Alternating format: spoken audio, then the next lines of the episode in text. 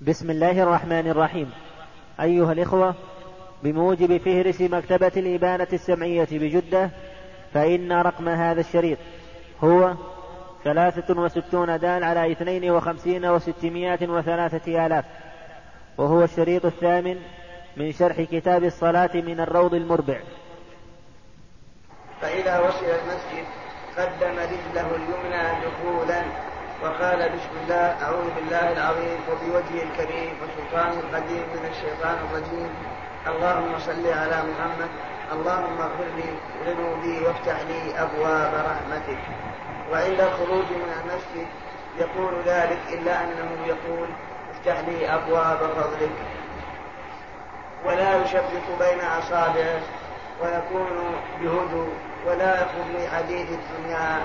هذا هو آداب في الصلاة إذا خرج المسلم من بيته قاصدا المسجد. نعم.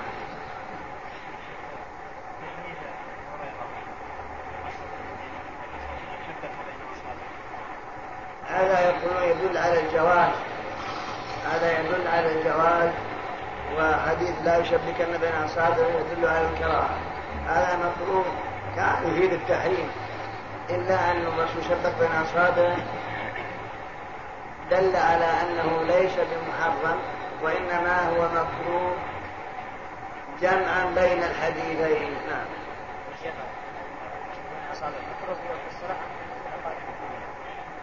لأن الإنسان إذا ذهب إلى الصلاة فإنه في صلاة ما دام منتظرا للصلاة. وبعض من العلماء يقول تشبيك عقب الصلاة لا مانع لأن الرسول شبكها وأما قبل فلا.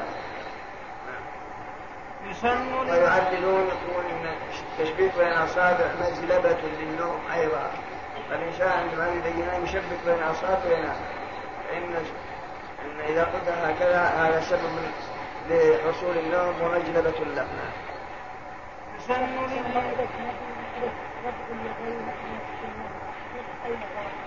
يأتي هذا يسن للإمام والمأموم القيام عند قول المقيم قد من إقامتها أي إن قد قامت الصلاة لأن النبي صلى الله عليه وسلم كان يفعل ذلك رواه ابن أبي أوفى يسن القيام عند قول المؤذن قد قامت الصلاة يعني أنك تجلس الصوت فإذا قال المؤذن المقيم الله أكبر الله أكبر أشهد أن لا إله إلا الله أشهد أن محمدا رسول الله حي على الصلاة حي قد قامت الصلاة عند ذلك تنهض. قائمة الصلاة مجيبا للمقيم بقول قد قامت الصلاة. هذا هو مراد المالكية يرون أن هذا ما لا أصل وأنك تقوم متى شئت وليس هناك ما يدل على أنك تقوم عند قول المؤذن قد قامت الصلاة. لعدم ثبوته عن النبي صلى الله عليه وسلم. هذا عند المالكية. نعم.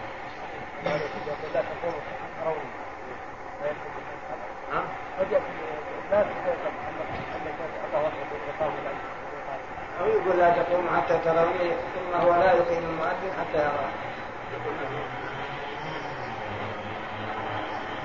وهذا إن رأى المأموم الإمام وإلا قام عند رؤيته.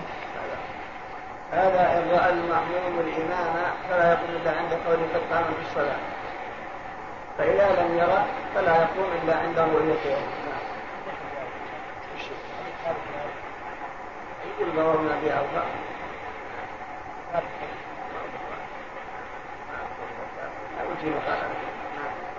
ولا يحرم الإمام حتى تبرأ الإقامة. ولا يحرم الإمام بالصلاة. حتى تنتهي الإقامة. فلا ينبغي الإمام أن يكبر تكبيرة الإحرام. والمؤذن شارع بالإقامة. فإذا فرغ منها إذا يكبر تكبيرة الإحرام. رواه المكان وتسن تسوية الصف بالمناكب والأكعب فليلتفت عن يمينه فيقول استووا يرحمكم الله وعن يساره كذلك. ويسن تسوية الصفوف بمحاذاة المناكب والأكعب وهنا ذكروا أنه سنة وشيخ الإسلام تيمية يرى أنه واجب. يقول لا بد من تسوية الصفوف ولا يختصر إلى كونه سنة بل يجب للأمر بذلك عن النبي صلى الله عليه وسلم بأنه يقول سووا صفوفكم أو ليخالفن لتسون صفوفكم أو ليخالفن الله بين وجوهكم. قالوا هذا أمر والأمر يقتضي الوجوب ولأن عمر رضي الله تعالى عنه الناس بالدرة ويقول تقدم يا هذا تأخر يا هذا.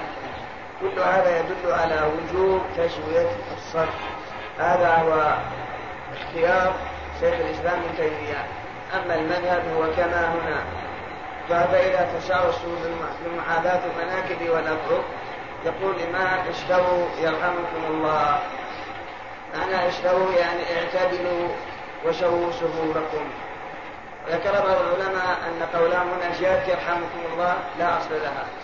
وإنما الذي ينبغي يقال استووا عند من استووا أن تسووا صفوفكم أما زيادة يرحمك الله يرحمكم الله فهذه لا أصل لها. لم ترد عن النبي صلى الله عليه وسلم ولا عن أحد من الصحابة. فالأولى الاقتصار على استووا بدلا من يقول أن يزيد ويقول يرحمكم الله. كل ما كان معنا صحيح عند قراءة القرآن بين الأذان والإقامة. بين بين الإقامة والصلاة. ما لا هذه العبادات لا مجال للرأي. ولا مصلحة للآراء فيها ما نستطيع أن نقول سنة قولوا استووا يرحمكم الله. يقول يرحمكم الله لكن في هذا الموطن بناء على أن السنة لا. لأن العبادات توقيفية. إن صحت عن النبي فلا وإلا فلا. الله إليك تسمية الصفوف الراجح فيها وجود. الوجوب إيه نعم. الوجوب الراجح. قال لأن الوجوب لأن الأحاديث كثيرة في هذا. يعني يلزم الإمام أن يسوي والتوعد. أيضا من ترك من من لم يسوي الصف وقال إن الله لا ينظر إلى صف أعوج أو كما ورد في أحاديث كثيرة كلها تحث على وجوب مساواة الصف وتسويته. وتوعد من لم يساوي الصف قال ألا تصفون كما تصف الملائكة عند ربها إن الله لا ينظر إلى صف الأعوج أو كما ورد. يعني ما يجعلون بينهم فرج كثيرة بين المأمون يعني بينهم فرج كيف يعني نفس التسوية؟ ما أعرف فرج إنما يمكن بس وسط الحرب يحب أن كلها متراصف لو تجي بالكلبين ما استطعت. في الأكعب اللي الشيخ. الأكعب؟ الأكعب. نعم. أصابع. إيش؟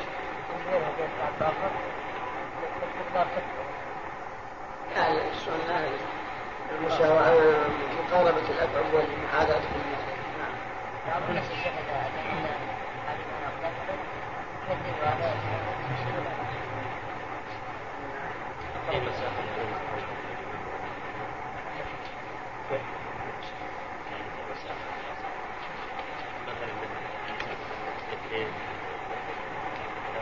موقف موقف لا هي مسألة. لكن الظاهر من قالوا أو مثال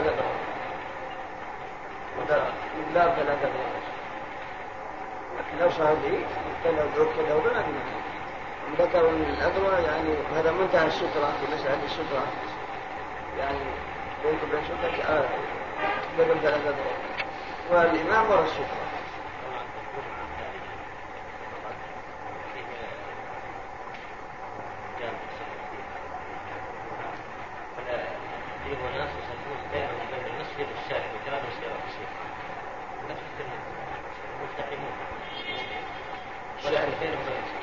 الشارع العام بينه وبين المسجد يعني يفصل بين المسجد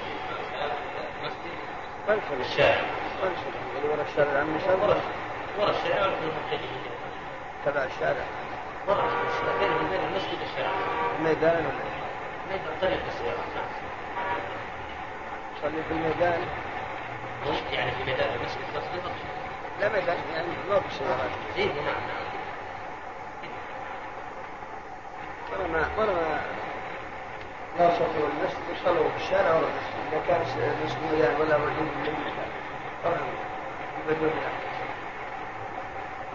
لعلهم يعني غاية الصلاة لا لا لا مع الشباك باس لا ما ما ينبغي هذا على هذا شبه الشارع ما تصح الصلاة فيه إلا عند الضرورة كما تقدم تقدم لنا في شروط الصلاة في الباب قبل هذا أن تصح الصلاة في الطريق إذا كان هناك ضرورة كعي- كالعيد والجمعة والجنازة إذا ازدحم الناس ولم يجدوا لهم مكانا في المسجد. جاز الصلاة في الطريق هذا ما في مانع أما على الكيفية ما ينبغي كلام هناك فاصل بينه وبين الإمام والمسجد. هذا ما ينبغي على كل حال ما هي مشكلة؟ لابد ينبهون نعم، ماشي الله إليك هل يجب على الإمام تسوية الصفوف بنفسه؟ هل يجب عليه أن يسوي الصفوف بنفسه؟ ينبههم ويسووا صورتهم تقدم يا هذا تأخر يا ما, ما, هذا ف- ما فهموا المقصود من تسوية الصفوف شو؟ هل يجب ما فهموا المقصود من تسوية الصفوف هل يجب عليه أن أن أن يسويهم بنفسه كما كان الرسول عليه الصلاة والسلام؟ يتعين أن إيش معنى تقدم يا هذا؟ هذه من الله إليك تقدم يا أخي العصا يجلدهم. سم تبي يا أخي العصا يجلد الناس إيه ياخذ عصا. لا لا يا أخي يعني هو يسوي صفوفه لا لا تجلد الناس شاور البركة سيروحوا يخلوهم أحسن الله إليك أقول عشان يطلعون يخلوهم لا بدون عصا. هذا هو هذا تشوف شوف تقدم يا هذا تأخر يا هذا. آه، صد جنب هذا لا صد جنب. هل عليه حرج إذا سواهم بيده؟ الله شو؟ هل عليه حرج إذا سواهم بيده؟ لا ما عليه حرج. لكن كونه ينتقل من مكانه إذا كانت الصور كبيرة وطويلة فكونه يكلمهم. أحسن من كونه يجي نهب سنة مأثورة عفى الله عنه نعم. نهب سنة مأثورة. ما نقول إنك لكن اذا إذا اذن القول أولى من ان يذهب ويترك مكانه. ولا عاد لو ذهب ما في مانع ما نقول لك في مانع. لكن كون الله ين- ينظر إلى هذا وإلى هذا وانت قد تهيأ للصلاة فلو خرج ذهب يصلحهم بيده. مضى الساعة أو نص ساعة ساعة ونص ما جرى. ثم قد يصلح هذولا مثلا فظهر الطرف الثاني عودوا كما كانوا كنا ينظرهم ويعملهم ويلاحظهم أولى منهم يمرنهم أحسن الله إليك حتى يتعلم. نتكلم. نعم.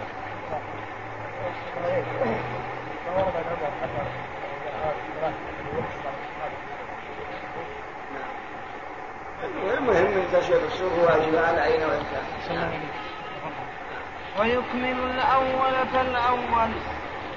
ويكمل الصف الأول فالأول فلا ينبغي أن الصف الثاني.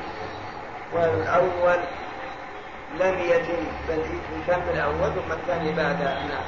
ويتراصون ويتراصون عن يمينه. والصف الأول للرجال أفضل. وله ثواب وثواب من وراءه ما اتصلت الصفوف كذلك. والصف الأول أفضل. وله ثواب وثواب الصفوف التي بعده ما اتصلت الصفوف نعم. وكل أحسن الله إليك عندنا الأمر بالسترة. الأمر بالسترة للمصلي والأحاديث التي وردت في فضل الصف الأول. عندي الآن إن رحت أصلي أعمل لي سترة. فاتني الصف الأول. وإن رحت للصف الأول فاتني السترة. أيهما أقدم؟ عفى الله عنه يأتيك إن شاء الله بعد في الفصل بعد هذا يقول سترة الإمام سترة لمن خلفه. قصدي إذا دخلت المسجد أنا قبل قبل تقوم الصلاة. قبل تقوم الصلاة. أدخل أدخل لأصلي تحية المسجد. عندي الأمر بالسترة وعندي الصف الأول. إن عم- إن صليت السترة إن صليت الصف. فاتني الصف الأول. كان الصف الأول والصف الأول قدامك سترة. بعيدة. ما انت ما حط شوف لون عالق ولا لو اعتقدت أو أو خيط أو خط؟ أتقدم إلى الجدار شوف لا بالصف. الصف الأول صرت الصف الأول لو جعلت امامك عالق واعتقدت انها ستره جاز أو عصا جاز أو خط جاز. ياتيك إن شاء الله في الفصل بعد. لأن هذا محل الستره في الفصل الذي بعد هذا وكلما قرب منه فهو أفضل والصف الأخير للنساء أفضل. نعم.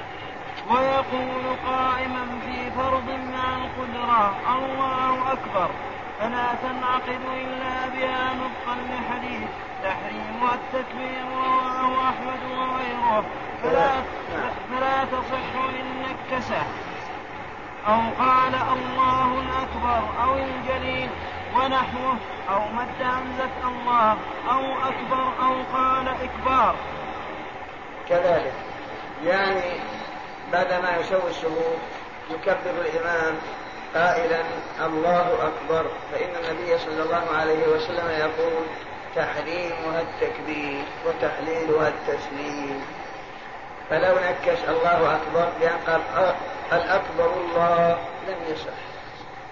أو أبدل الأكبر بالجليل بأن قال الله الأجل الله الأعظم لم يصح إلا عند الأحناف. فالحنفية لو قال الإمام الله الأجل صح. أما عندنا وعند الأئمة الثلاثة لا لا بد أن يقول الله أكبر. لأن النبي صلى الله عليه وسلم يقول إذا قمت إلى الصلاة فكبر. ولأنه لم ينقل عنه ولا مرة واحدة أنه يقول غير الله أكبر. وقد قال صلوا كما رأيتموني أصلي. إلا عند الشافعية فهم يرون جواز لو قال الله الأكبر. فالشافعية يجيزون هذا. أما الحنابلة فلا. لا يقول الله الأكبر بل يقول الله أكبر. اقتصارا على مورد النص. النصوص الثابتة عن النبي صلى الله عليه وسلم في صفة صلاته. كلها يقول الله أكبر. إذا قمت إلى الصلاة فكبر ولا تكبروا حتى يكبر ويقول الله أكبر. ولم ينقل عنه أنه قال الله الأكبر. وكذلك وكذلك لو قال الله أكبر. مد همزة الله لا يجوز. لأنها تكون بمنزلة الاستفهام. كأنك تستفهم هو أهل الله الأكبر أم لا؟ أما لو مد الجلالة الله أكبر لا بأس. أو مد الباء في الله أكبر بأن قال الله أكبر لا يجوز. بل ولا تنعقد. لخروجها عما دل عليه الله أكبر. كما تقدمت الإشارة إليه في باب الأذان. نعم. نعم. الأحناف يقولون ما دام إنه اسم من أسماء الله فاسماء الله كلها واحد. ولله الأسماء الحسنى فادعوه بها.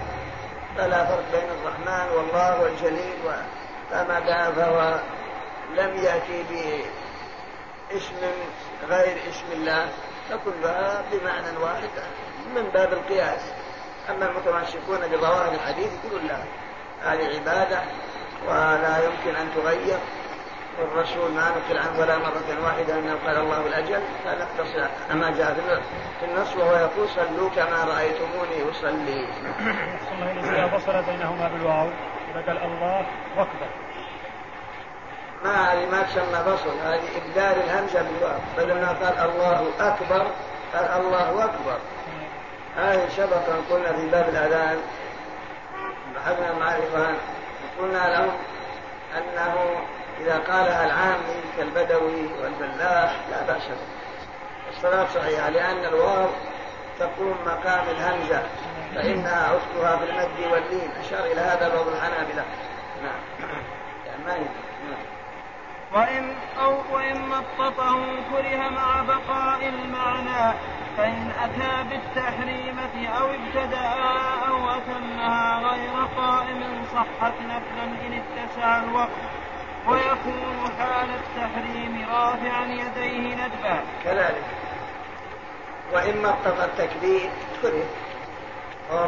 الله أكبر. هذا لا ينبغي على كل حال. السنة الحج. وسنة الحج. الله أكبر. هذا هو بدون تمطيط وتمديد هذا لا ينبغي. كذلك أيضا لو ابتدأ تكبيرة الإحرام جالس. وأتمها قائم. صارت نجد لأن من شرط صحة الصلاة أن يكون قائما. لأن القيام ركن من أركان الصلاة. فلا بد أن تكبيرة الإحرام تقع من المصلي وهو قائم. خاصة الفريضة أما النافلة فلا مانع لو صلى جالس على أي حالة تكون لكن أما الفريضة لا تصح إلا أن يؤدي تكبيرة الإحرام لو أدى بعضها جالس وأكملها قائم انقلبت مثلا. نعم. إيش على هذا؟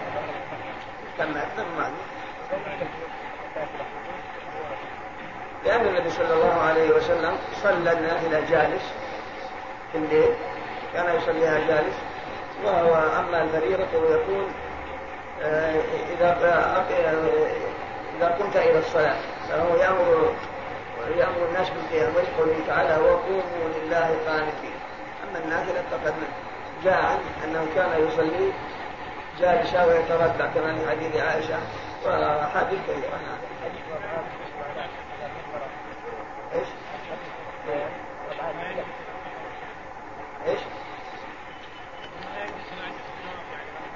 الا الا هذا نصف من عند الصلاة القائمه كلام بالصح لا المعذور لا المعذور. اتقوا الله ما استطعت أجرك كامل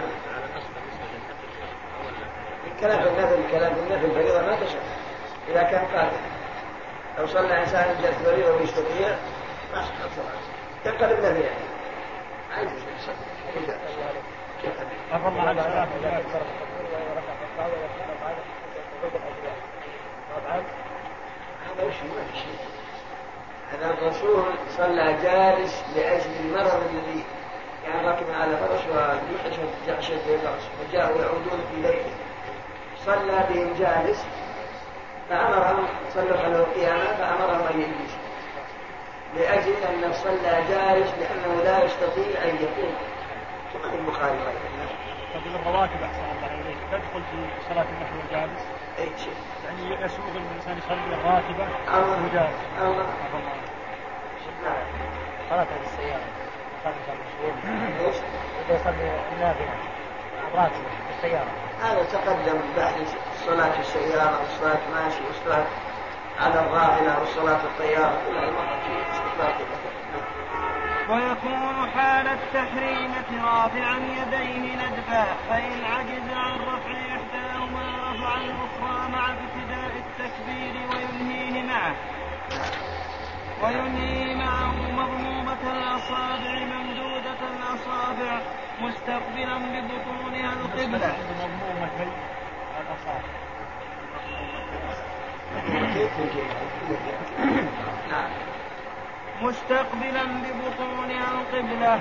حذو أي مقابل منكبيه لقول ابن عمر كان النبي صلى الله عليه وسلم إذا قام إلى الصلاة رفع يديه حتى يكون حذو منكبيه ثم يكبر. متفق عليه. كذلك ويرفع يديه مع تكبيرة الإحرام عند ابتداء التكبير يرفع وينهي عند انتهاء التكبير ويكون اليدين مضمومتي الأصابع هكذا حذو منكبيه؟ جاء في حديث مالك بن حويرث إلى فروع أذنيه وفي حديث ابن عمر إلى حذو منكبيه. فيكون الجمع بين هذا أطراف الأصابع معادة لفروع الأذنين وراحة اليد مقابلة ومعادة للكتفين للمنكبين. ثم يكبر. وجاء في حديث ابن عمر لحديث ابن عمر رضي الله عنه مستقبلا ببطونها القبلة بطون أصابعها هكذا. في حديث ابن عمر أن النبي صلى الله عليه وسلم كان يرفع يديه عند تكبيره يرفع يديه ثم يكبر. متفق عليه. عندكم على حاشية الحديث؟ نعم. عندكم شيء؟ على حاشية يقول حديث ابن عمر. كان رسول الله صلى الله عليه وسلم إذا قام إلى الصلاة رفع يديه حتى يكونا حذو منكبيه ثم يكبر. متفق عليه. قال الشيخ عبد الرحمن ولحديث وائل وابن عمر المتقدمين. ولحديث علي إذا قام إلى الصلاة كبر ورفع يديه حذو منكبيه. صححه الترمذي. ولحديث مالك كبر ورفع يديه. وحديث وحديث أبي حميد وغيرهم في خمسين صحابيا منهم العشرة رضي الله عنهم قال الحاكم لا نعلم سنة اتفقوا على روايتها غير هذا واستدلال الشارع بخبر ابن عمر صريح في أن التكبير إنما هو بعد رفع اليدين كما هو معلوم من أن ثم تفيد الترتيب والتراخي وذكره في المتفق عليه وكذا صاحب المنتقى وهذا لفظ مسلم والسنن انتهى قوله وليس ناقة ذلك الشافعي.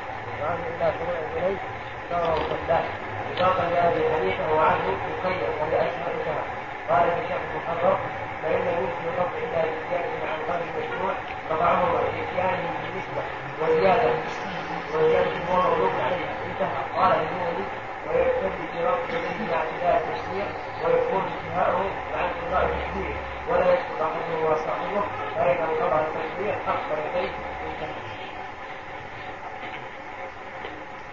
أنا عندي شك في حديث ابن عمر هذا. ما يظهر لي أنها متفق عليه بهذا اللفظ. يعني أنه يرفع يديه حتى يحاذي بما فيه ثم يكبر ثم ما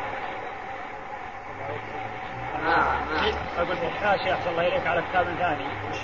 في كتاب للشيخ ناصر الألباني اسمه صفة صلاة النبي. يقول إنه ثبت أن الرسول عليه الصلاة والسلام آه، أنه له ثلاث حالات في الرفع. حالة يرفع قبل التكبير وحالة يرفع مع التكبير وحالة يرفع آه، بعد التكبير. ثلاث حالات.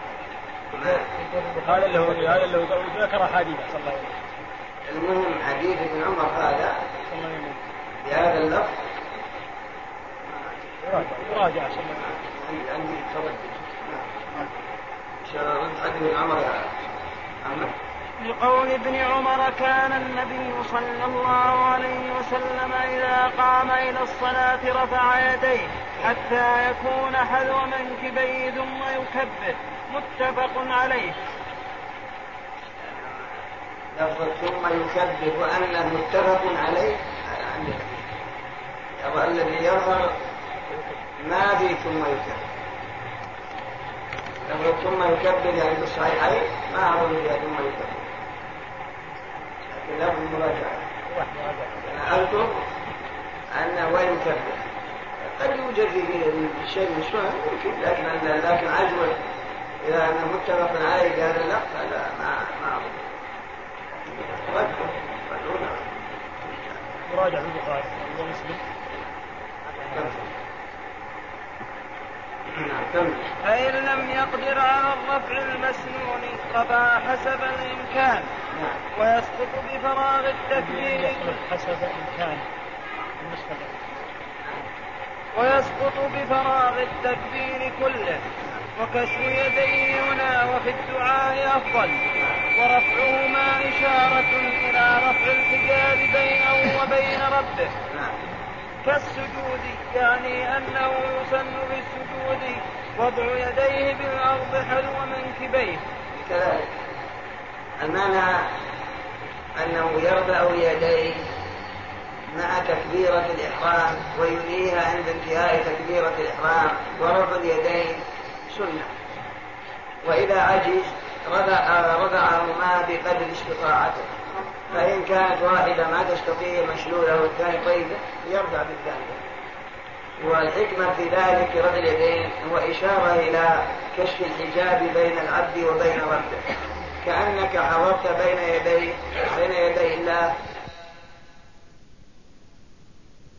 سنة فات محلها. نعم ويسمع الإمام استحبابا والله عنك الاستمرار. الله عنك الاستمرار. سنوات عديدة. في عدم رفع اليدين. يعني هذا يسمون؟ لا ما يعني كان أكون كان أكون حنفيا لا أرفع يدي. لا الحنفية يرون هذا. ما يرفعون إلا عند الأولى عند التكبير الإحرام فقط. الكلام لا تكبير الإحرام لا الاستمرار يسوء الاستمرار في عدم رفع اليدين. هل يسوء شرعا صلى الله عليه بعد ثبوت هذا الحديث. الحديث الحديث المشهور اليدين سنة ولكن كل انسان يداوم على ترك السنة ما ينبغي. نعم. ويسمع الإمام استحبابا بالتكبير كله من خلفه من المأمومين ليتابعوه. وكذا يجهر بسمع الله لمن حمده. والتسليمة الأولى. ويسمع الإمام من خلفه بالتكبير حتى يقتدوا به. ويأتموا به. لا بد أن يرفع صوته بقول الله أكبر حتى يسمعوا ونعرف أولا أن تكبيرات الانتقال عندنا واجبة. ولهذا قالوا هنا ويرفع الإمام ويسمع الإمام من خلفه لأجل أن يقتدوا به. وعند جمهور العلماء أن التكبيرات سنة يعني ما عدا تكبيرة الإحرام.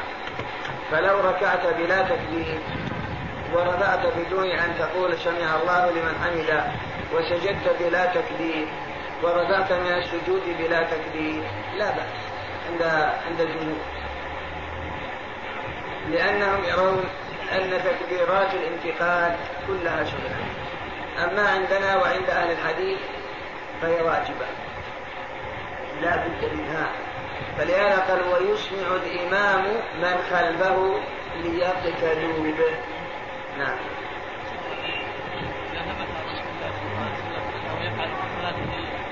هذا الامر صوت. صوت شوي إذا ثبت عن الرسول صلى الله عليه وسلم أنه يفعل في صلاته رفع اليدين مع التكبير أو غير ذلك هل يجب علينا أن نفعل كما فعل الرسول صلى الله عليه وسلم في حديث سنه كما نعم المتعين الاقتداء برسول الله صلى الله عليه وسلم. لكن بعض الأشياء فيها سنن. يعني ثبت أنها سنن. فالسنه لا اثر له. وبعض الأشياء واجبة وبعض الأشياء ركن. على حسب ما ورد في الأحاديث. وعلى حسب مفاهيم العلماء من تلك الأحاديث. لكن الاقتداء بالرسول والاولى والمتعين بكل حال. نعم. إيش؟ إذا ثبت مداومته على هذا الأمر. هل يجب علينا لا ينبغي متعين على كل حال اقتداء بالرسول نعم. الله إذا نسيت مثلا تكبير الركوع والسجود ولم اذكرها إلا بعد مأموم ولا أنت منفرد ولا إمام؟ لا منفرد تسجد للشهوة كذلك تسجد مش أن يكون كم تقول الله أكبر تسمى الكريم فإن لم يمكنه إسماع فإن لم يمكنه إسماع جميعهم جهرا الجمهور يستدلون بحديث الأعرابي. قصة المشي يقولون التكبيرات مين واجبة. لأن النبي صلى الله عليه وسلم قال للأعرابي حينما صلى وجاء وسلم على الرسول. قال له الرسول ارجع فصلي فإنك لم تصلي. فصلى ثم جاء. قال ارجع فصلي فإنك لم تصلي. فعلى ثلاث ثم قال الأعرابي والذي بعثك بالحق نبيا لا أحسن غير هذا فعلمني. قال له الرسول إذا قمت إلى الصلاة فكبر ثم اقرأ ما تيسر معك من القرآن ثم اركع. ما قال كبر؟ ثم اركع حتى تطمئن راكعا. ثم اركع حتى تعتدل قائما. ثم اسجد حتى تطمئن ساجدا. ثم اركع حتى تطمئن جالسا. ثم اسجد حتى تطمئن ساجدا. ثم افعل ذلك في صلاتك كلها. قالوا الرسول لم يأمره بالتكبير بل قال اركع حتى تطمئن راكعا. اركع حتى تعتدل قائما. اسجد حتى تطمئن ساجدا. ولو كان التكبير واجب لعلمه الرسول هذا الأعرابي الجاهل الذي ردد ثلاث مرات كل مرة يقول فيها ارجع فصل فإنك لم تصلي ولا يجوز تأخير البيان عن وقت الحاجة. كل هذا يدل على أن التكبيرات سنة. ما عدا تكبيرة الإحرام لأنه قال إذا قمت إلى الصلاة فكبر ثم البقية قال لم يكن فكبر. هذا هو دليل الجمهور أما الحنابلة وأهل الحديث يقولون الرسول لم يترك التكبير ولا مرة واحدة في حياته كلها وقد نقلوا لنا صفة صلاة حتى اضطراب لحيته. فلو كان تركها لو مرة واحدة لنقلوها. وقد قال صلوا كما رأيتموني أصلي. وقال إذا كبر الإمام فكبروا ولا تكبروا حتى يكبر. وأجابوا عن هذا الحديث. قالوا الحديث ليس فيه دلالة على أن تكبيرات الانتقال سنة. لأن الرسول إنما علم الأعرابي الشيء الذي كان يجهله فقط. فهو يكبر لكنه يسرع. ويعجل ولا يطمئن. ولهذا لم يعلم التشهد ولم يعلمه ما يقول في الركوع والسجود ولم يعلم التشهد الأول ولم يعلم التشهد الأخير. مما يدل على أن الرسول لم يعلمه إلا الشيء الذي كان يجهله. التكبيرات واجب عليه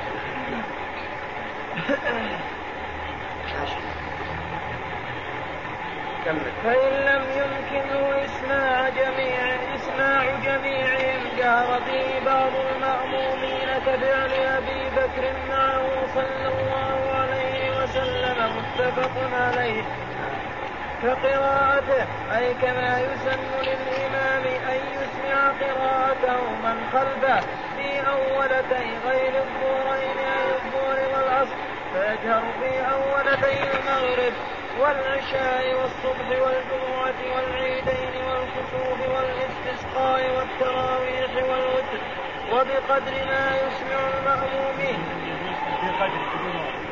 كذلك والإمام يسمع من خلفه التكبير فإن كان الجمع كريم وصوته لا ينقذهم فإن بعض المأمومين يرفع صوته بالتكبير يسمع البعيدين عندما يكبر الإمام للركوع والرفع وهكذا. وكذلك أيضا يجهر بالقراءة في غير أولتي الظهرين كأولتي المغرب والعشاء والصبح والعيد والجمعة والكسوف والاستسقاء فيسمع المأمومين خلفه على قدر ما يمكنه أن يسمعهم. نعم. وغيره غير الإمام وهو المأموم والمنفرد يسر بذلك كله لكن ينطق به بحيث يسمع نفسه وجوبا في كل واجب. والمأموم والمنفرد يسر لكن لا بد أن يسمع نفسه. ينطق لا يكفي القلب القلب واللسان جميعا لا بد أنه يقرأ بحيث يسمع نفسه نعم لأنه لا يكون كلاما بدون الصوت نعم. وهو ما يتأتى استماعه حيث لا مانع نعم. فإن كان مانع بأن كان عياط وغيره فبحيث يحصل السماع مع عدمه. مو عندنا بعض العبارات بالنسبة لعلمنا وهو يسمع نفسه أي المأموم والمنفرد. بقدر ما حيث لا مانع. يعني ما في الصنم. فإن كان فيه مانع كعياط يعني أصلا ما يسمع فبقدر ما يسمع نفسه لولا الصنم. نعم. ثم إذا فرغ من التكبيرة يقبض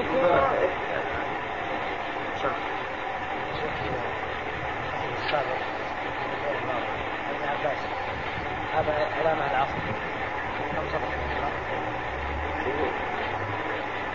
والحديث صاحب كتاب علامة العصر. وأحكام ركعة الفجر ما هو حد حد يقول وكحديث قال رحمه الله وكحديث عباس بن حبان بن خزيمة وابن خزيمة وابي داود الطيالسي وغيرهم قال كنت اصلي واخذ المؤذن بالاقامه فجلد فجلد النبي صلى الله عليه وسلم فقال أتصلي الصبح أربعة. يقول على هذا الحديث. حديث ابن عباس فاخرج وابو داود الطيالسي في مثاله قال حدثنا أبو عامر خزاز عن ابن أبي مليكه عن عباس قال كنت أصلي وأخذ المؤذن في الإقامة. فجلدني النبي صلى الله عليه وسلم فقال أتصلي الصبح أربعة كذا في اعلام الموقعين عن عن رب العالمين. الامام القيم هذا حديث جيد الاسناد أما أبو داود الطيالسي فهو سليمان ابن داوود البصري متفق على دلالة. قال ابن مهدي أبو داوود أصدق الناس وقال أحمد ثقة وقال وكيع جبل العلم. وأما أبو عامر فهو صالح بن رستم الخزاز وضعفه ابن معين وابن المديني قال أحمد بن محمد صالح الحديث. ووثقه أبو داود الطيالسي وأبو داوود وابن حبان وأبو أحمد بن عدي والحاكم وغيرهم. وأما ابن أبي مليكة فهو عبد الله بن عبيد الله بن أبي مليكة من كبار التابعين والثقه وأبو حاتم وأبو زرعه وأما ابن عباس فصحابي. أما الآن فنترككم مع مجلس آخر من هذا الشرح. ثم يقبض كوع يسراه تحت سرته وينظر مسجده. ثم يقول سبحانك اللهم وبحمدك وتبارك اسمك وتعالى جدك ولا إله غيرك ثم يستعيذ ثم يبسمل سرا وليست من الفاتحة ثم يقرأ الفاتحة فإن قطعها بذكر أو سكوت غير مشروعين وطال أو ترك منها تشديدة أو حرفا أو ترتيبا لزم غير مأموم إعادتها ويجهر الكل بآمين في الجهرية الله الرحمن الرحيم. الحمد لله رب العالمين.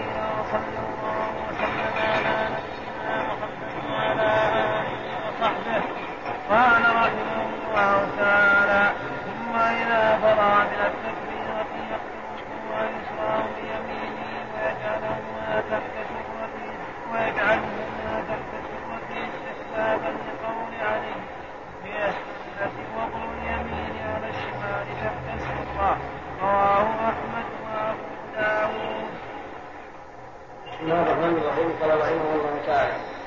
ثم إذا فرغ من التكبير قرر يده اليسرى بكفه اليمنى جاعلا لهما تحت شربته. لخبر علي رضي الله عنه من الشرة وضع اليمين على اليسرى تحت الشرة وروي مثل هذا أيضا عن أبي هريرة رضي الله عنه.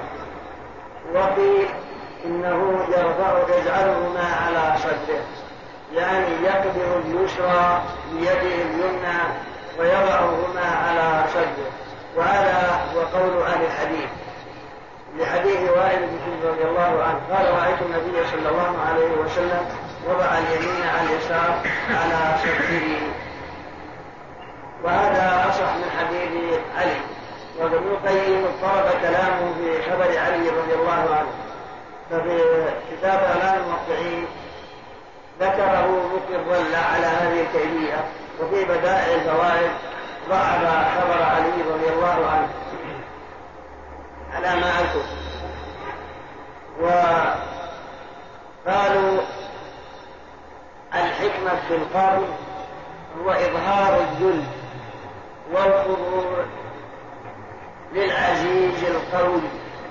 فإذا قبضت يدك اليسرى بكفك اليمنى أولا وأبعد عن العبث بأن تحرك يدك في إصلاح بعض ملابسك أو العبث بلحيتك. لقد قبضت هذه بتلك من أجل السلامة من العبث بيديك. ثانيا فيه إظهار للذل والخضوع من المصلي بين يدي رب العزة القوي القادر على كل شيء. أما وضعهما على الصدر فيقول بعضهم أن الحكمة في وضع اليدين على الصدر وإن جاءت به شيء من الأحاديث لكن الصدر محله القلب. والشيطان يجري من ابن آدم مجرى الدم والشيطان ينتهب دائما ويحترس ما في القلب. فأشرف ما في الإنسان هو قلبه والقلب هو ملك الأعضاء. إذا صلح القلب صلح الجسم كله وإذا نشط وجد الجسد كله فجعلت يديك على صدرك على القلب حفظا كناية عن الحول عن الشيطان ألا يتسلل إلى قلبك فينتهي جزءا من صلاتك بما ينفيه من الغفلة وما ينفيه من الشوق والوساوس وال والتركيز في شؤون الدنيا فكأنك تريد المحافظة على قلبك بوضع اليدين في هذا المكان. قال هذا المعنى الحافظ بن حجر وغيره.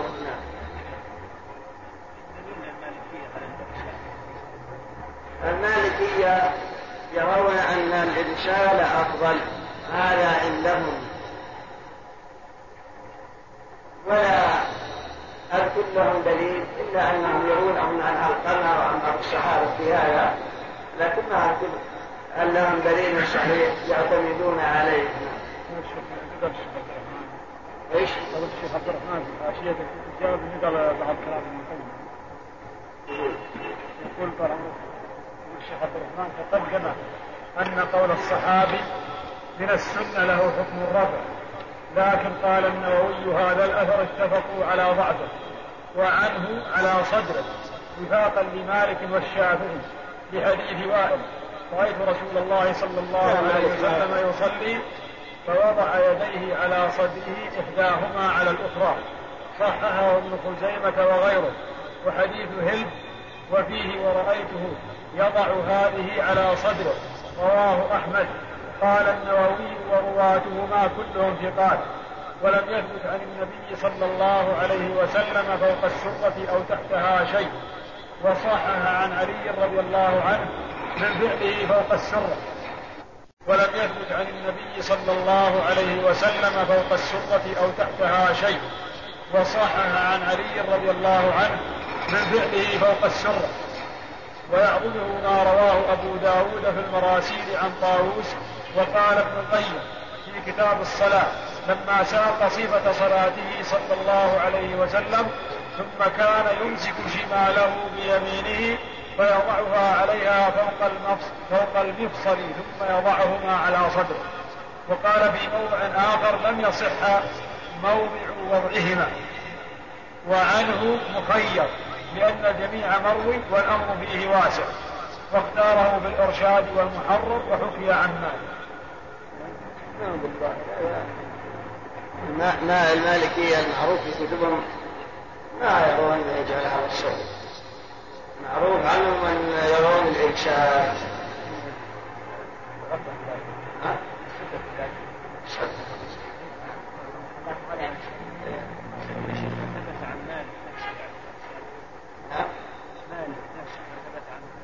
لم يكون يقول عن أصحابه.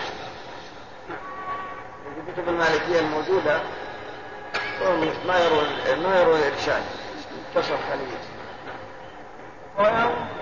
ما يرون الإرشاد ما يرون الحق ما نعلم لهم أقول ما أعرف لهم حجة. يقولون أن فعلها من القمع بعض الصحابة لكن ما ما ما ثبت إيش؟ إيش؟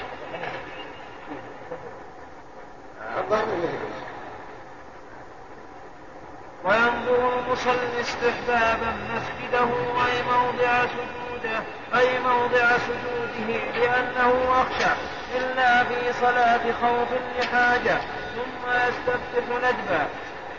وينظر موضع سجوده. المتن يقول وينظر مسجده القياس فتح الجيم هذا هو القياس. وينظر مسجده المسجد كمقعد وهو موضع السجود. لكن بعضهم يقول إنه مسجد وأن هذا خلاف القياس. والمهم إنه يعني المصلي ينظر موضع سجوده. ويرون في ذلك حديث وأن النبي صلى الله عليه وسلم كان يرفع بصره إلى السماء في الصلاة فأنزل الله عليه والذين هم في صلاتهم خاشعون فضرب بصره إلى الأرض. لكن لو كان مثلا في مكة ويشاهد الكعبة هل ينظر إلى موضع سجوده؟ أم ينظر إلى الكعبة؟ الذي عليه الحنابلة أنه ينظر إلى الكعبة. ما لم يشغله بمارة أو يؤثر في صلاته فإن لأن النظر إلى الكعبة أولى قالوا من النظر إلى موضع سجوده إلا أن يكون هناك حركة مرور هذا جاي وهذا رايح مما يجعله يشتغل بهذا الذي يذهب ويجي فينظر إلى موضع سجوده نعم. النظر إلى الكعبة هل فيه دليل بخصوصه؟ نعم. النظر إلى الكعبة هل فيه دليل بخصوصه؟ نعم في دليل في أحاديث ضعيفة. في فضائل الأعمال مثل نظر الكعبة عبادة.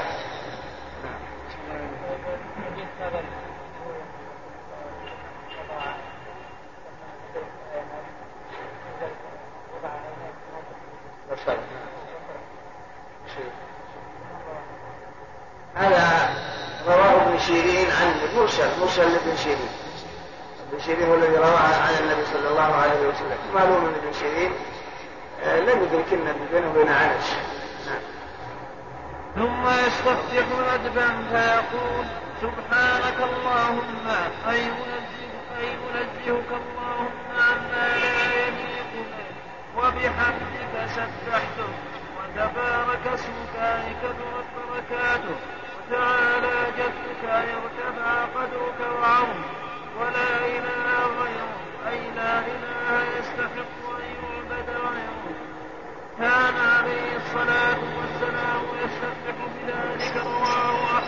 وغيره ثم يستفتح سرا يقول سبحانك اللهم وبحمدك تبارك اسمك وتعالى جدك ولا إله غيرك. كان عمر رضي الله عنه يستفتح بهذا ويرفع صوته ليسمع المأمومين يعلمهم كيف يستفتحون. وذلك بحضرة المهاجرين والأنصار. وهذا الحديث جاء في الحديث الذي كان يستطيع بهذا إلا أن ابن حجر يقول فيه انقطاع. والذي صح هو حديث أبي هريرة أن النبي صلى الله عليه وسلم كان إذا كبر سكت هنا فقلت له بأبي أنت وأمي ما تقول؟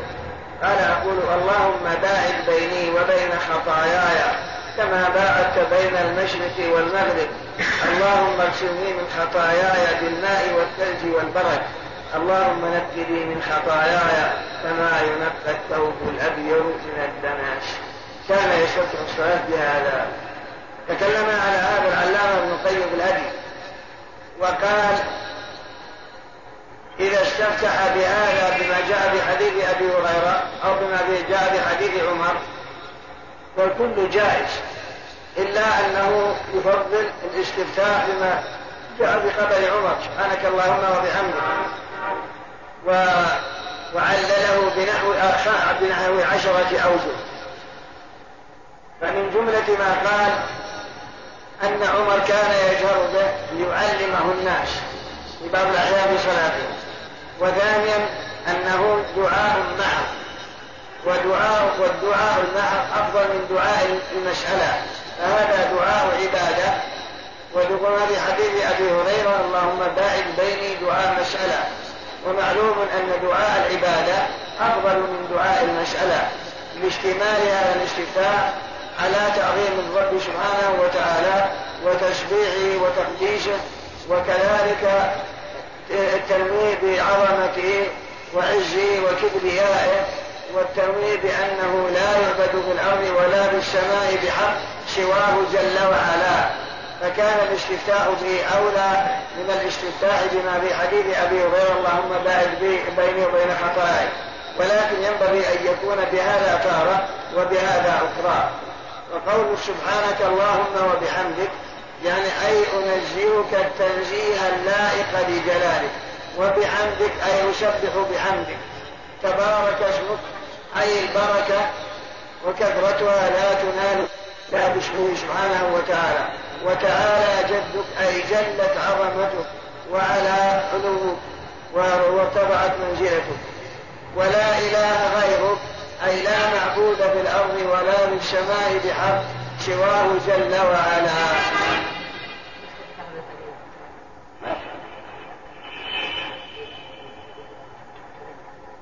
الحديث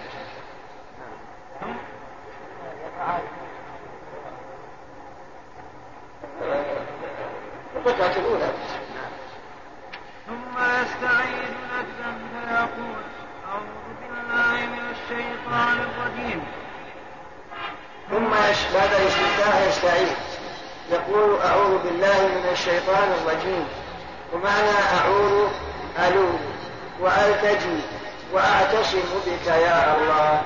من الشيطان مشتق من الشطن وهو البعد يقال بئر شطون إذا بعد ماؤها وذلك لأن الشيطان بعيد عن رحمة الله تعالى الرجيم بمعنى المرجوم المطرد عن مواقع الرحمن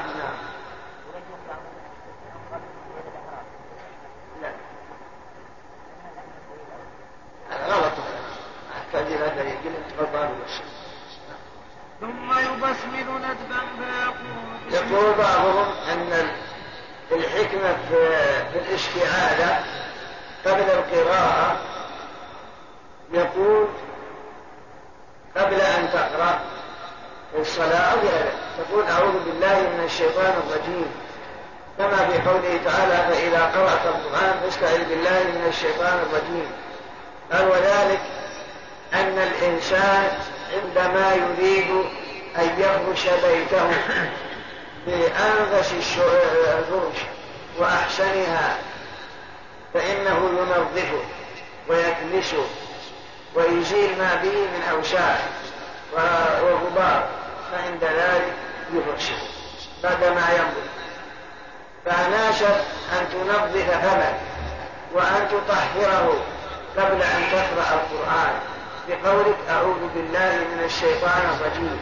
ففيه معنيان المعنى الأول وهو اللب والغضب وأنك تلتجي إلى الله وتعتصم به من أن يحفظك من هذا العدو اللدود الذي هو عدو وعدو أبيك. والثاني تنظيفا لللسان وتطهيرا له من الأدران التي قالها وتكلم بها قبل ذلك.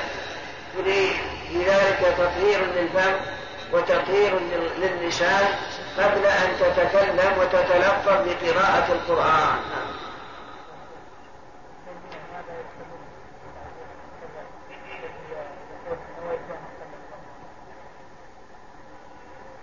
كل مبتدع ينبغي أجل. ما قال ما من قال عشرة إنه غلط من هذه بدعة. لكن يجب يجب تنبيه. والمبتدع إذا لم إذا لم يرى ما في مانع من تعزيره إذا كان معنى من إلا التعزير يعجل لما أذكر من قبل العشاء لكن التعزير ما في مانع إذا كان التعزير به صحة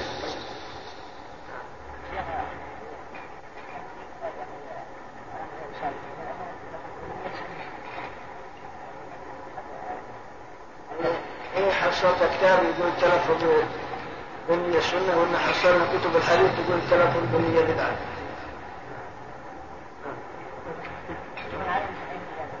اي نعم.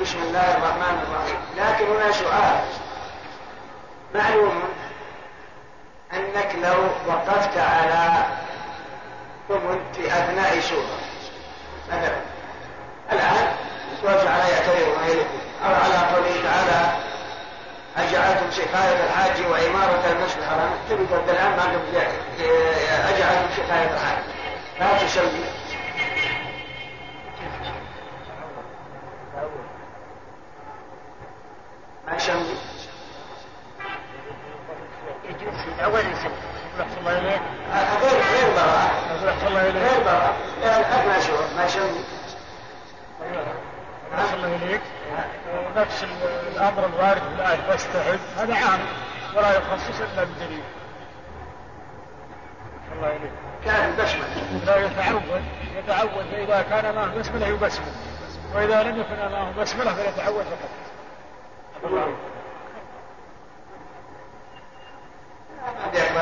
بسم الله الرحمن الرحيم. وإلى مدين أخاهم شعيب يعني تو بيقرأ الآن آه، أقول اليوم الصبح الآن يبي يقرأ. أنا ما كمل السورة هذه بشر ولا لا؟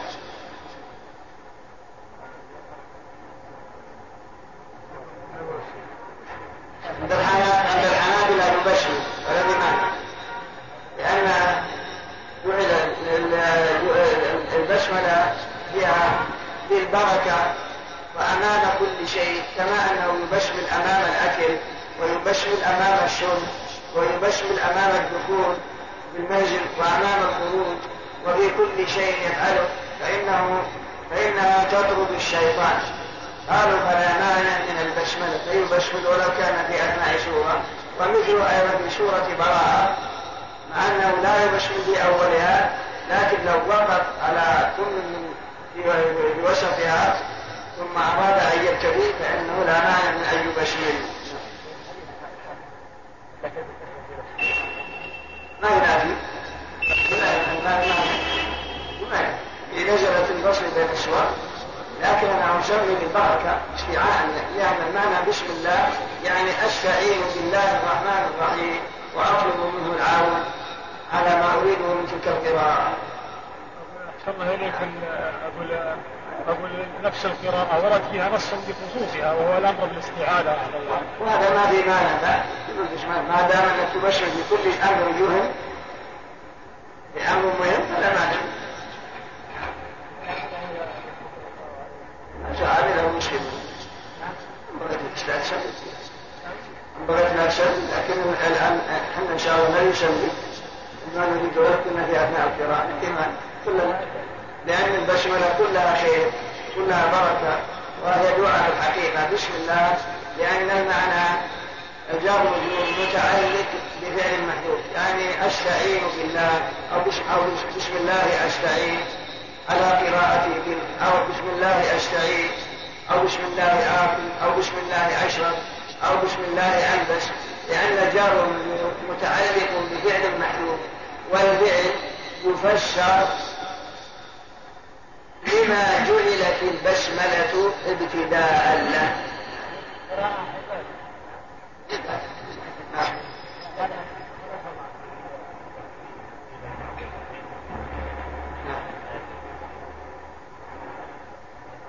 نعم لا إذا كان إذا إذا كان ماشي إذا كان ماشي بسملة ما يعني إذا صار يكرر الآية يعني إذا كنت تسمع الأولى إذا كتب أمر سم سم الله وكل جميل تفضل صلى الله إليك هل البسملة تعتبر آية أم لا؟ نعم. البسملة في القرآن كله آية آية آية نزلت في الفصل بين السور. إذا إذا قرأناها يكون قراءة آية في غير محلها. نبدأ لك محل. البركة الله إليك إذ البركة. شوف.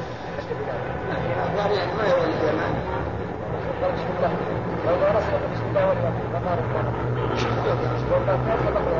نعم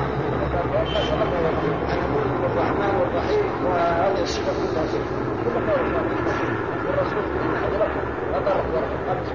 بسم الله الرحمن الرحيم. ما شفت ولا مانع ما دام انها صفه من صفات الله سبحانه وتعالى ولا نهانا الرسول لم يقل الرسول لا تقولوا الرحمن الرحيم شو معنى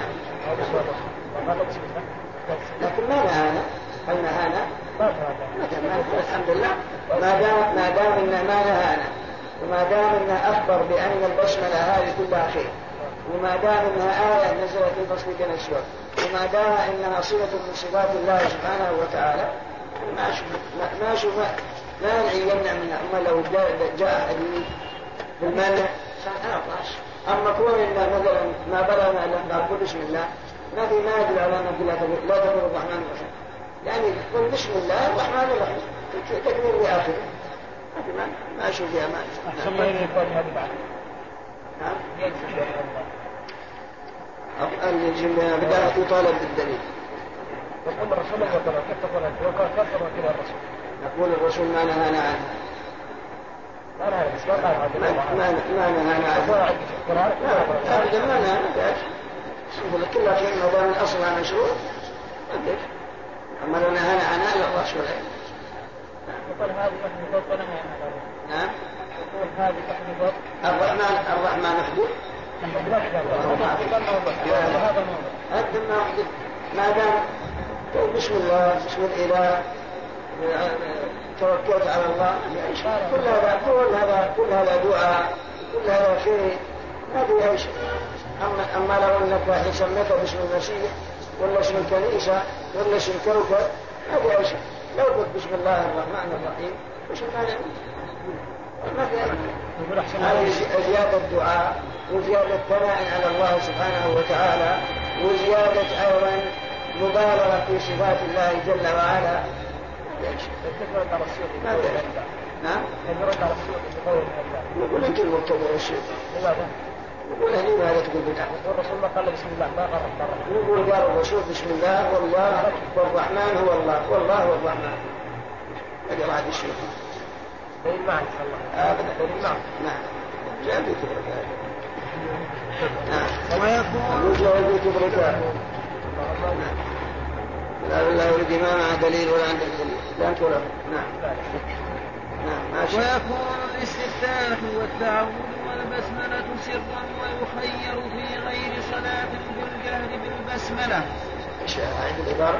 ويكون الاستفتاح والتعوذ والبسملة سرا ويخير في غير صلاة في الجهر بالبسملة.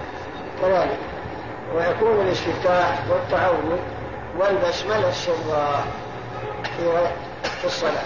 أما في غير الصلاة فهو مخير بجهل بسم الله الرحمن الرحيم. أما في نفس الصلاة فكونه يبسمل سرا فلا مانع منه. هو الأفضل.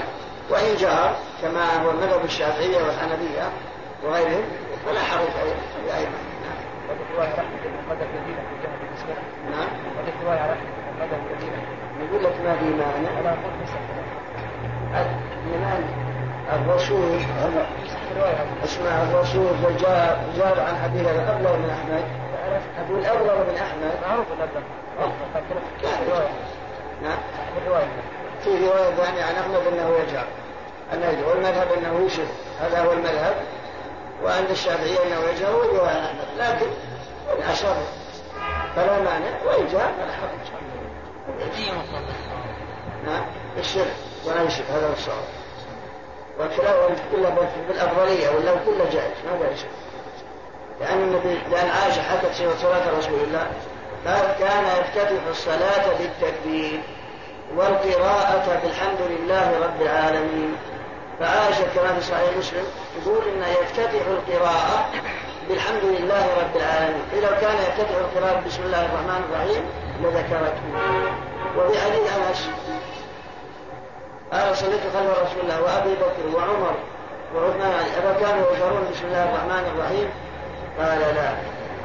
وجاء في كانوا يشرون آه، كانوا لا يجهرون بسم الله. وعند ابن خزيمة كانوا يشرون وفي جاء حديث إذا قرأتم بفاتحة الكتاب فاقرأوا بسم الله الرحمن الرحيم فإنها إحدى آياتها. هذا يستدل بالآخر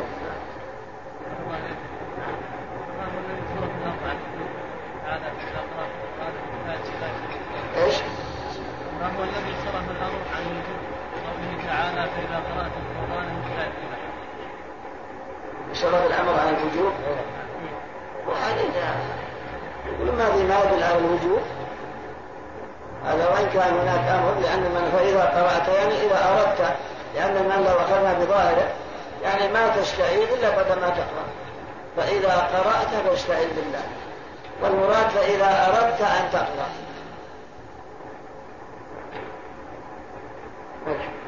وليست البسملة من الفاتحة وتستحب عند كل فعل مهم. وليست البسملة من الفاتحة وتستحب عند ابتداء كل أمر مهم. لحديث كل أمر ببال لا يبدا بسم الله فهو ابتر نعم. نعم. صحح بعض. ثم يقرأ الفاتحه نعم. الجماعه الجماعه حديث جماعة ضعفوا نعم جمع المبادئ مضى كثير من الاحاديث أنا اظن من هذا القبيل الذي صححه شاف مستندهم واللي ضعفوه شافوا مستندهم شاف مستندهم في التضعيف وهؤلاء في التصحيح وهل للتصحيح شواهد أخرى؟ لا بد يعرف طريقه التصحيح وطرق التضعيف. ثم بعد هذا النظر في هذا وهذا يستقبل التضعيف ثم يقرأ الفاتحة تامة بتشديداتها وهي ركن في كل ركعة. وهي أفضل سور سور وهي أفضل سور وآية. وهي أفضل سورة وآية الكرسي أعظم آية. وسميت فاتحة الكتاب لأنه يفتتح بقراءتها الصلاة وبكتابتها بالمصاحف وفيها إحدى عشرة تشديدا ويقرأها مرتبة متوالية. كذلك ويقرأ الفاتحة والفاتحة ركن من أركان الصلاة قراءتها. وقراءتها ينبغي أن يقرأها بترتيب. يقف عند رأس كل آية كما وصلت عائشة رضي الله عنها وغيرها قراءة رسول الله صلى الله عليه وسلم وهي أعظم سورة في القرآن. وأعظم آية في القرآن هي آية الكرسي. والفاتحة تضمنت الإلهيات وتضمنت المعاد وتضمنت أيضا العبادة. وتضمنت أيضا إثبات القضاء والقدر والرد على الجبرية وتضمنت إثبات النبوات كلها تضمنتها سورة الفاتحة وهذه هي مدلول القرآن كله نعم. قول السبع ورد نعم. قول السبع ورد الفاتحة.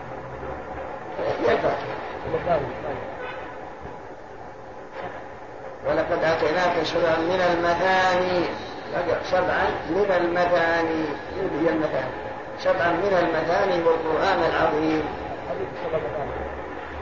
الآية ولقد آتينا في سبعا من المثاني والقرآن العظيم. يمكن الله أعلم لتضمنها الإلهيات وتضمنها أيضا المعاد وتضمنها إثبات الإلهية. النبوة. يمكن أن يكون هذا.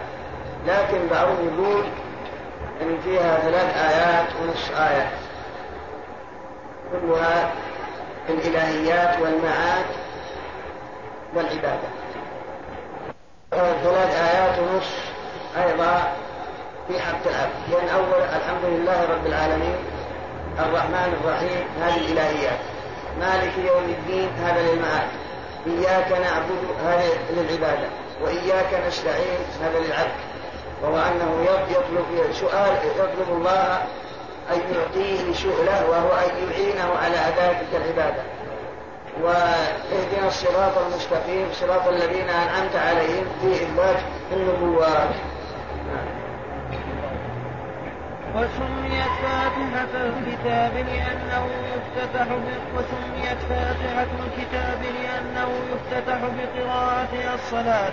وبكتابتها في المصاحف وفيها إحدى عشرة تشديدة ويقرأها مرتبة متوالية. فإن قطعها بذكر أو سكوت غير مشروعين وقال عرفا أعادها.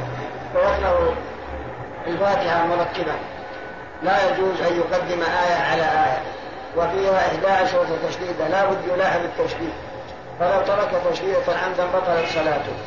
أو لم يرتب الآيات بأن قال الرحمن الرحيم الحمد لله رب العالمين بطلت صلاته. أو قال مثلا مالك يوم الدين الرحمن الرحيم الحمد لله فكذلك.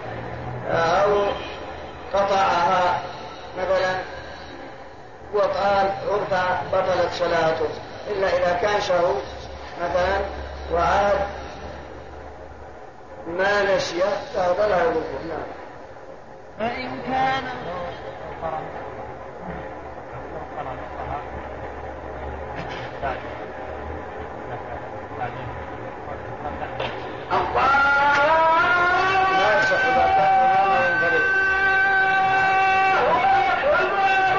كان إمام أو منفرد أو منفرد ما تصح صلاته. بذكر أو سكوت غير مشروع وقال عرفا أعادها فإن كان مشروعا كسؤال الرحمة عند تلاوة الرحمة وكالسكوت قراءة إمامه وكسجود للتلاوة مع إمامه لم لم يكن ما مضى من قراءتها مطلقا. المعنى أنه لا بد أن يقرأ الفاتحة متوالية مرتبا بتشديداتها ويلاحظها. وأما الإمام والمنفرد لو قطعها بذكر المشهور أو ذكر قطعها وطال فهذا يبطل. تبطل صلاته. أو ركع قبل أن يكملها بطلت صلاته. أما بالنسبة للمأموم فعلى المذهب أن ذلك لا يضر. لتحمل الإمام قراءته. وهذا يأتي هل يتحمل أو أو أو ينبغي له أن يقرأها هذا يأتي باب صلاة الجماعة كما سيأتي لكن المهم هنا لو مثلا قرأ المأموم بعض الفاتحة بأن قال بعدما كبر الإمام قلت قرأت الحمد لله رب العالمين الرحمن الرحيم مالك يوم الدين إياك نعبد وإياك نستعين ثم قرأ الإمام. شكت تشتمل لقراءة الإمام. فرغ الإمام من الفاتحة وقال آمين. قال المأمومون آمين. هل تبتدي من إهدنا الصراط المستقيم؟ أو تعيد من أوله؟ نقول لا ما في مانع. تبتدي من ماذا؟ من إهدنا الصراط المستقيم. لأن سكوتك هذا ولأجل استماع قراءة الإمام. فإذا انتهى إمامك من الفاتحة تبني على ما مضى ما على ما على ما مضى مما قرأته منها. نعم. جاء في حديث سمرة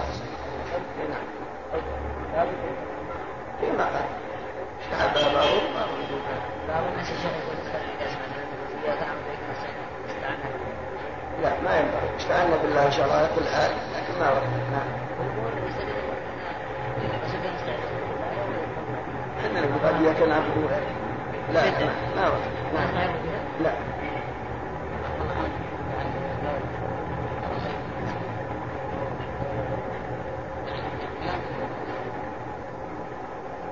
هذا يأتي الفصل يقول هذا مثل ليس ذلك بقادر على أن يحيي الموتى قال آه فسبحانك فبلا أو بأي حديث بعده يؤمنون قال آمنا بالله.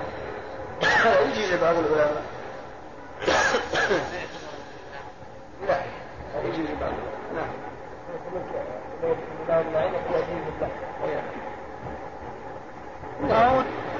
أو ترك منها تشديدة أو حرفا أو ترتيبا لزم غير مأموم إعادتها. أي إعادة الفاتحة فيستحلمها إن تعمد. نعم. ويستحب أن يقرأها مرتلة معربة يقف عند كل آية كقراءته عليه الصلاة والسلام. ويكره الإفراط بالتشديد والمد. ويجهر الكل أي المنفرد والإمام والمأمومون معا بآمين في الصلاة الجهرية بعد سكتة لطيفة. ليعلم أنها ليست من القرآن وإنما هي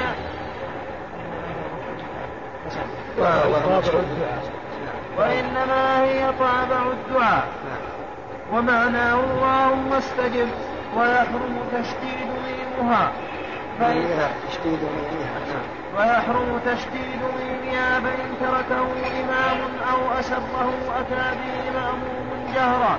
ويلزم الجاهل تعلم الفاتحة والذكر وتعلم الفاتحة والذكر الواجب.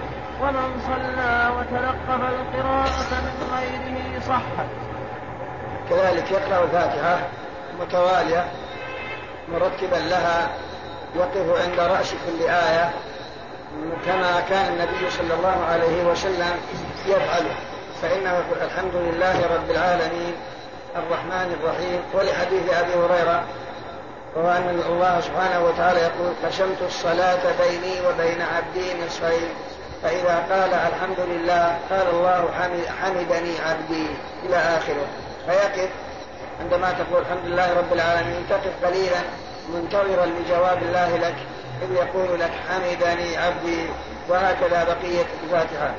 وكذلك أيضا إذا كان لا يعرفها فيلزمه أن يتعلمها. الجاهل لا بد أن يتعلمها ويتعلم الذكر الواجب. لكن إذا كان لا يحسن العربية ك... كالأعجمي مثلا قلنا له تعلم الفاتحة. يعني ما أستطيع. أنطق باللغة العربية ولكن أستطيع أن أقرأها بلغتي. مثلا باللغة الأوروبية أو الإنجليزية أو ما أشبه ذلك. قال آه، يكفي هذا؟ نقول له لا ما يكفي. فالقرآن إذا ترجم من اللغة العربية إلى اللغة الأجنبية لا يسمى قرآنا. ولهذا يجوز للجنب أن يقرأه ويجوز للجنب أن يمسه لأنه ليس بقرآن. إذا نقل من اللغة العربية إلى اللغة الفارسية أو الإنجليزية أو الفرنسية فهم لا يستطيعون البتة أن ينقلوا بمعناه الصحيح لأن الإعجاز هو في لغته وفي معناه. وإن أدركوا المعنى معنى ما يمكن أن يدركوا المعنى كاملا لكن بلاغة القرآن في لفظه تختل فلا يسمى قرآنا. فإذا فلهذا إذا قرأ الفاتحة بلغاته لا يكفي. بل يلزمه أن يتعلمها باللغة العربية. لكن لو عجز مثلا وما استطاع نقول اتقوا الله ما استطعتم. ويجهر الكل بآمين. الإمام والمأموم وكذلك المنفرد. ولكن لو سكت الإمام أو أشهر فالمأمومون يجهرون بها. وإن صلى الجاهل. وتلقف القراءة من غيره. صحت كما لو قام إنسان يصلي مثلا الحمد لله رب العالمين. قال الحمد لله رب العالمين. الرحمن الرحيم. يصلي. الرحمن الرحيم. يعني تعطيه آية آية. لكن يقرأ معك تعطيه آية ويقرأ مثلك. فهل تصح صلاته؟ نعم تصح. هذا من ومن تلقف القراءة يعني قراءة الفاتحة من غيره جري على آية يقرأها مثلك. صح وثم ركع وقام الركعة الثانية تعطيه آية ويقراها مثلك فعندهم تصح الصلاة. شم. من عمر الدرس الماضي. إيه. قال يعني هو صنع ذكر لكن في جامع الأصول أنه اتفق على تخريجه بزيادة ما يكذب البخاري ومسلم والموطا وأبو داود والنسائي. زيادة ثم يكذب بعضها ثم كبر. رفع يديه اي نعم. آه. أنه رفع يديه احدهم فيه بعضها ثم يكذب وبعضها ثم ثم يكذب نعم. البخاري البخاري عايز في الكلام احسن يراجع البخاري متن احسن الله اليك نبي نراجع متن البخاري. يكون افضل يكون احسن نعم واحد برا في البخاري شو بدا ثم مش هنا هنا يكبر هذا معروف هذا الظاهر يألف ثم يكبر ويرجع طعم كذا اذا كان له طرق ولا شيء نفس البخاري سبع طرق طرق مسلم الله يريد بسم الله الرحمن الرحيم لا يبغى يسكت لأن امين من الفاتحه من اللهم صل نعم أما الآن فنترككم مع مجلس آخر من هذا الشرح. ثم يقرأ بعدها سورة تكون في الصبح من طوال المفصل وفي المغرب من قصاره وفي الباقي من أوساطه. ولا تصح الصلاة بقراءة خارجة عن مصحف عثمان ثم يركع مكبرا رافعا يديه ويضعهما على ركبتي مفرجتي الأصابع مستويا ظهره. ويقول سبحان ربي العظيم ثم يرفع رأسه ويديه. قائلا إمام ومنفرد سمع الله لمن حمده. وبعد قيامهما ربنا ولك الحمد ملء السماء وملء الأرض وملء ما شئت من شيء بعد. ومأموم في رفعه ربنا ولك الحمد فقط. ثم يخر مكبرا ساجدا على سبعة أعضاء. رجليه ثم ركبتيه ثم يديه ثم جبهته مع أنفه ولو مع حائل ليس من أعضاء سجوده. ويجافي عضديه عن جنبيه وبطنه عن فخذيه ويفرق ركبتيه ويقول سبحان ربي الأعلى. ثم يرفع رأسه مكبرا ويجلس مفترشا يسراه ناصبا يمناه. بسم الله الرحمن الرحيم. الحمد لله رب العالمين وصلى الله وسلم على نبينا محمد وعلى آله وصحبه. قال رحمه الله تعالى ثم يقرأ بعد بعد الفاتحة سورة نجدا كاملة فيستفتحها بسم الله الرحمن الرحيم. وتجوز آية إلا أن أحمد استحب كونها طويلة كآية الدين والكرسي ونص على جواز تفريق السورة في ركعتين بفعله عليه الصلاة والسلام. بسم الله الرحمن الرحيم. قال رحمه الله تعالى ثم يقرأ بعد الفاتحة سورة ندبا يعني لو اقتصر على الفاتحة لا بأس. وهذه السورة التي يقرأها يفتتحها بسم الله الرحمن الرحيم. وإن قرأ بعض سورة جاز. وإن فرق السورة في الركعتين لا بأس. لأن النبي صلى الله عليه وسلم فعل ذلك حينما قرأ بالناس في صلاة المغرب سورة الأعراف فإنه فرقها بين ركعتين قالوا وهذا يدل على الجواز. وإن قرأ بعض السورة كما كما تقدم جاز.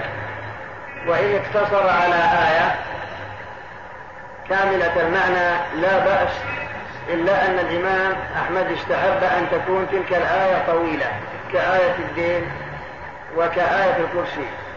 ووجه استحباب الإمام أحمد بأن الآية تكون طويلة من أجل أن تكون مناسبة لسورة كاملة من قصار المفصل.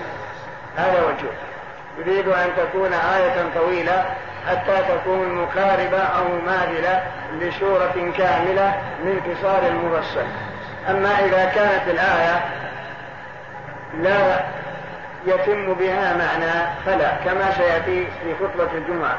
وذلك مثل قوله تعالى ثم نظر. أو مدهامتان. هذا لا يكفي.